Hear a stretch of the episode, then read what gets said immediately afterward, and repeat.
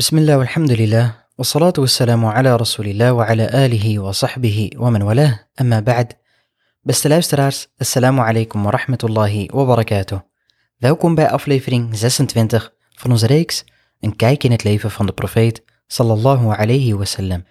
In de vorige aflevering zijn we begonnen aan een wonderbaarlijke reis uit het leven van de profeet alayhi salatu wassalam.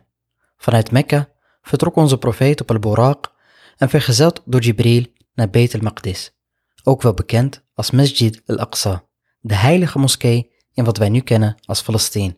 En zoals we de vorige keer hebben gehoord, de profeet wassalam betrad de moskee en leidde de voorgaande profeten in het gebed. Hierna ging de profeet wassalam naar buiten en vanaf hier gaan wij verder met deze reis, die zijn hoogtepunt nog niet heeft bereikt. Laten we nog een keer gaan naar de overlevering in Sahih Muslim, waarin de profeet wassalam verder vertelde over deze nacht en zei, daarna ging ik weer naar buiten. Jibril kwam naar mij toe met een wijnkruik en een melkkruik. Ik koos voor melk, waarop Jibril alayhi zei, je hebt gekozen voor de fitra, oftewel je hebt een natuurlijke keuze gemaakt. Deze gebeurtenis vond uiteraard plaats alvorens wijn was verboden. En in een andere overlevering ook te vinden in Sahih Muslim antwoordde Jibril, je hebt voor de fitra gekozen. En als je had gekozen voor wijn, zou jouw gemeenschap afdwalen. En zoals vermeld in Sahih al-Bukhari, vervolgde de profeet wassalam, het verhaal en zei, Hij, Jibril, pakte mijn hand en steeg met mij naar de aardse hemel. Toen ik aankwam bij de aardse hemel, zei Jibril tegen de bewaarder, doe open. Waarop de bewaarder vroeg, wie is daar? Hij antwoordde, Jibril. Waarop hij werd gevraagd, is er iemand met jou? Waarop Jibril antwoordde, ja, Mohammed is met mij. Waarop de bewaarder vroeg, is er al naar hem gezonden? Oftewel, is hij al een profeet? Waarop hij antwoordde, ja. De poort werd vervolgens voor hen geopend. Maar voor we verder gaan, wil ik heel even stilstaan bij wat hier zojuist gebeurde. De engel die het hoogste in rang is bij Allah subhanahu wa ta'ala, Jibril, en met hem de profeet die het hoogste in rang is bij Allah tabarak wa ta'ala, Mohammed, vragen om toestemming. De hemelen worden zwaar bewaakt en hebben wachters. Als we dit dan vertalen naar de beelden die wij zien van het heelal, met al haar sterren en planeten, een universum zo groot, weet dan dat dit slechts de wereldse hemel is. Dat deze gigantische schepping, die eindeloos lijkt en waar wetenschappers pas recent een klein deel van denken te begrijpen, dat dit nog maar slechts de wereldse hemel is. En deze hemel wordt bewaakt en bewaard. En zelfs onze profeet en Jibril moesten toestemming krijgen om verder te gaan, wat het dus zeer onwaarschijnlijk maakt dat men ooit verder zal komen. Maar de profeet wassalam, en Jibril kregen dus toestemming om verder te gaan. En de profeet wassalam, ging verder en zei over dat moment. Toen hij opende, stegen wij boven de aardse hemel. Wij troffen daar een zittende man. Rechts van hem en links van hem bevond zich een grote groep mensen. Als hij naar rechts keek, lachte hij. En als hij naar links keek, moest hij huilen. Hij zei marhaban bin Nabi salih wa ibn salih. Welkom, o goede profeet en goede zoon. Ik vroeg aan Jibril, wie is dit? Waarop hij antwoordde, dit is Adam. De mensenmassa's rechts en links van hem zijn de zielen van zijn nageslacht. De rechtergroep zijn de mensen van het paradijs en de linkergroep zijn mensen van het vuur. Daarom lacht hij wanneer hij naar rechts kijkt en huilt hij wanneer hij naar links kijkt. Een ontmoeting tussen onze voorvader Adam en onze profeet Mohammed sallallahu alayhi wasallam. En het eerste wat Adam zegt is, welkom o goede profeet en goede zoon. En wat is er als kind mooier dan erkenning te krijgen van je vader? En nadat de profeet jarenlang wordt uitgemaakt voor leugenaar en valse profeet, en als iemand die tegen het geloof van zijn voorvader indruist, zegent Allah subhanahu wa ta'ala onze profeet met een ontmoeting met onze voorvader Adam, alayhi salam, die hem de erkenning geeft die hij van Quraysh niet kreeg, die hem allereerst aanspreekt met zijn titel als profeet en hem een goede zoon noemt, Iets dat denk ik elk kind wel zou willen horen van zijn vader. En meteen zien we deze vaderlijke gevoelens van onze profeet Adam salam en hoe hij zich bekommert over zijn nageslacht. Want hij werd blij als hij naar rechts keek, naar zijn nageslacht die in het paradijs zullen zijn, en hij huilde wanneer hij naar links keek. De profeet salam vervolgde zijn reis met Jibril, en van de laagste hemel gingen zij naar de tweede hemel. Weer vroeg Jibril om te openen, waarop hem werd gevraagd, wie ben jij? Waarop hij antwoordde Jibril en hij werd gevraagd, met wie ben jij? Jibril antwoordde, Mohammed, waarop de bewaarde vroeg, is er al naar hem gezonden, oftewel is hij al een profeet? En Jibril antwoordde, Ja, de boodschap is naar hem gestuurd en hij werd weer voor hen geopend. Plotseling zag de profeet wassalam, zijn twee neven van moederskant. Isa, de zoon van Maryam, en Yahya, de zoon van Zakaria, salam. De profeet begroette hen, waarna zij hem teruggroette, hem verwelkomde en zijn profeetschap erkende. En zo ging de profeet wassalam, samen met Jibril van hemel naar hemel. En bij elke hemel vroegen zij om toestemming en werd hen dezelfde vragen gesteld. En zo ontmoette de profeet wassalam, in de derde hemel Yusuf salam, die de helft van de schoonheid had gekregen. En in de vierde hemel Idris, waarover Allah subhanahu wa ta'ala heeft gezegd in de Koran, وَرَفَعْنَاهُ مَكَانًا عَلِيًّا Oftewel, en we hebben hem tot een verheven positie geheven. In de vijfde hemel ontmoette hij Harun, de zoon van Imran, en de broer van Musa salam, die hij in de zesde hemel ontmoette. Toen de profeet Musa salam had gepasseerd, begon Musa te huilen. En toen hem werd gevraagd wat hem droevig stemde, zei hij, Ja Rab, o mijn Heer, deze jonge man heeft u naar mij gezonden. Van zijn umma, zijn gemeenschap, zullen meer mensen het paradijs binnentreden dan van mijn gemeenschap. Uiteraard moeten we deze reactie van de edele profeet Musa salam niet opvatten als een verwijt of jaloezie. Nee, de reactie van Musa komt voort uit erbarmelijkheid en compassie voor zijn volk. En elke profeet hoopte vurig op leiding voor zijn gemeenschap, maar de werkelijke leiding ligt in de handen van Allah tabarak wa ta'ala. En Musa salam was ook niet jaloers op de profeet. Sterker nog, alle profeten die onze boodschapper Mohammed sallallahu alayhi wasallam ontmoetten tijdens deze reis, verwelkomden de profeet, erkenden zijn profeetschap en deden een goede smeekbede voor hem. Hierna ging de profeet wassalam, naar de zevende hemel. Weer vroeg Jibril om toestemming en weer werden dezelfde vragen aan hem gesteld. Er werd voor hen geopend en plotseling zag de profeet wassalam, Ibrahim, die met zijn rug tegen Betel Ma'moor leunde, het veelbezochte huis, die elke dag door 70.000 engelen wordt betreden en die er nooit meer naar terugkeren. Wat al aangeeft hoe gigantisch veel engelen er zijn. En Betel Ma'moor is als het ware de hemelse Kaaba. Deze bevindt zich in de zevende hemel en zoals wordt gezegd, als deze op aarde zou neervallen, dan zou hij precies op de Kaaba vallen. De profeet wassalam, ging langs Ibrahim, die tegen hem zei, Marhabam bin Nabi Salih wa ibn Salih.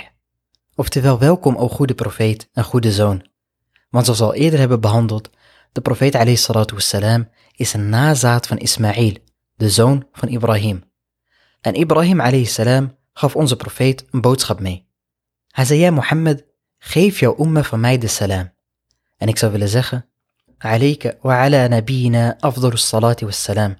Dus Ibrahim salam groette onze umma en vervolgens zei hij, en zeg tegen hen dat de bodem van het paradijs goed is en het water zoet, en dat er uitgestrekte vlakten zijn en zijn gewassen zijn subhanallah, walhamdulillah, wa la ilaha illallah, wallahu akbar. Een gouden advies van onze profeet.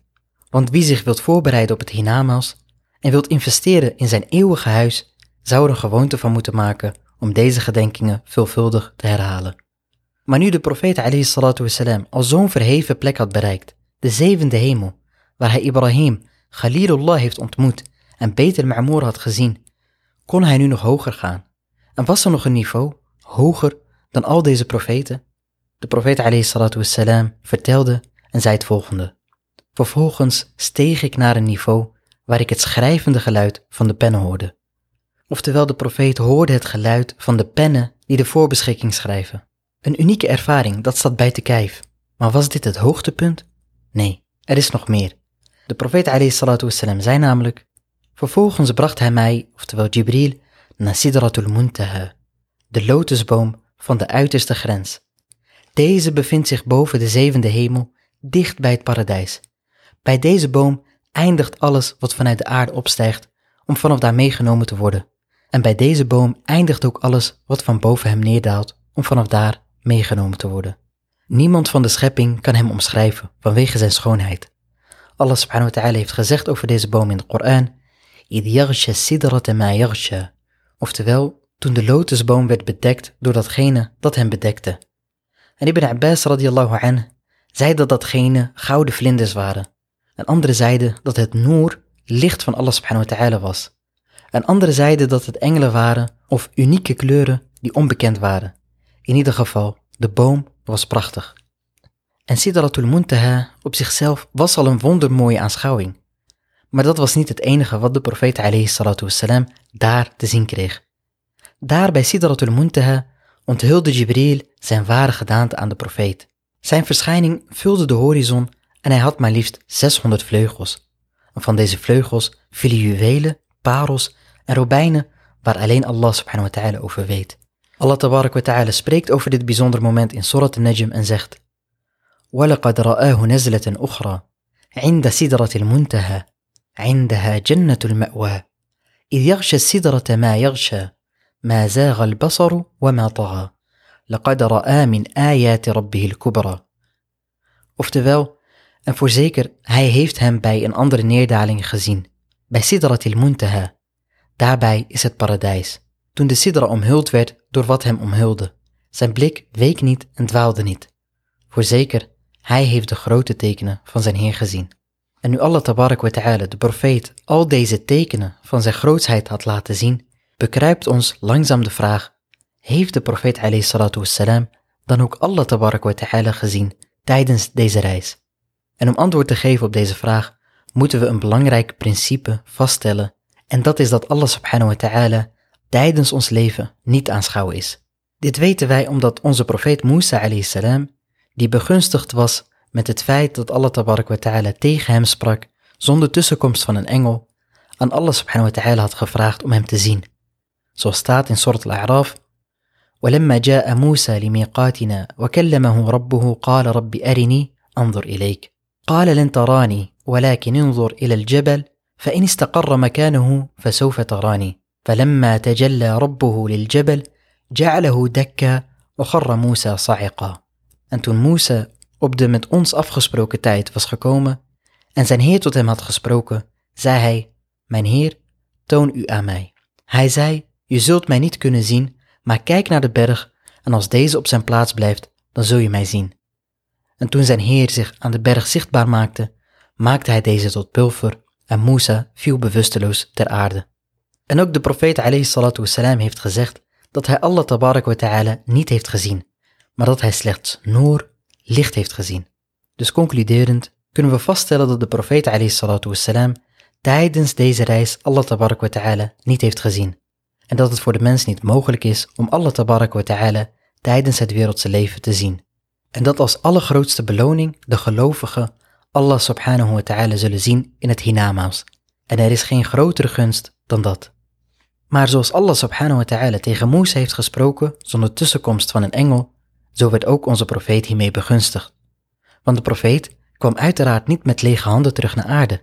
Deze hele reis had mede als doel een belangrijke zaak mee te geven aan onze profeet, een bevel, die zo belangrijk is dat hij niet op aarde is bevolen, maar in de hemel. En dit bevel was het gebed, de tweede pilaar van ons geloof. En alle verplichtingen zijn neergezond op aarde behalve het gebed. Wat maar aangeeft hoe belangrijk dit gebed is. De profeet wassalam, heeft ons verteld hoe hij dit bevel van Allah ta'ala kreeg. En hij zei hier het volgende over.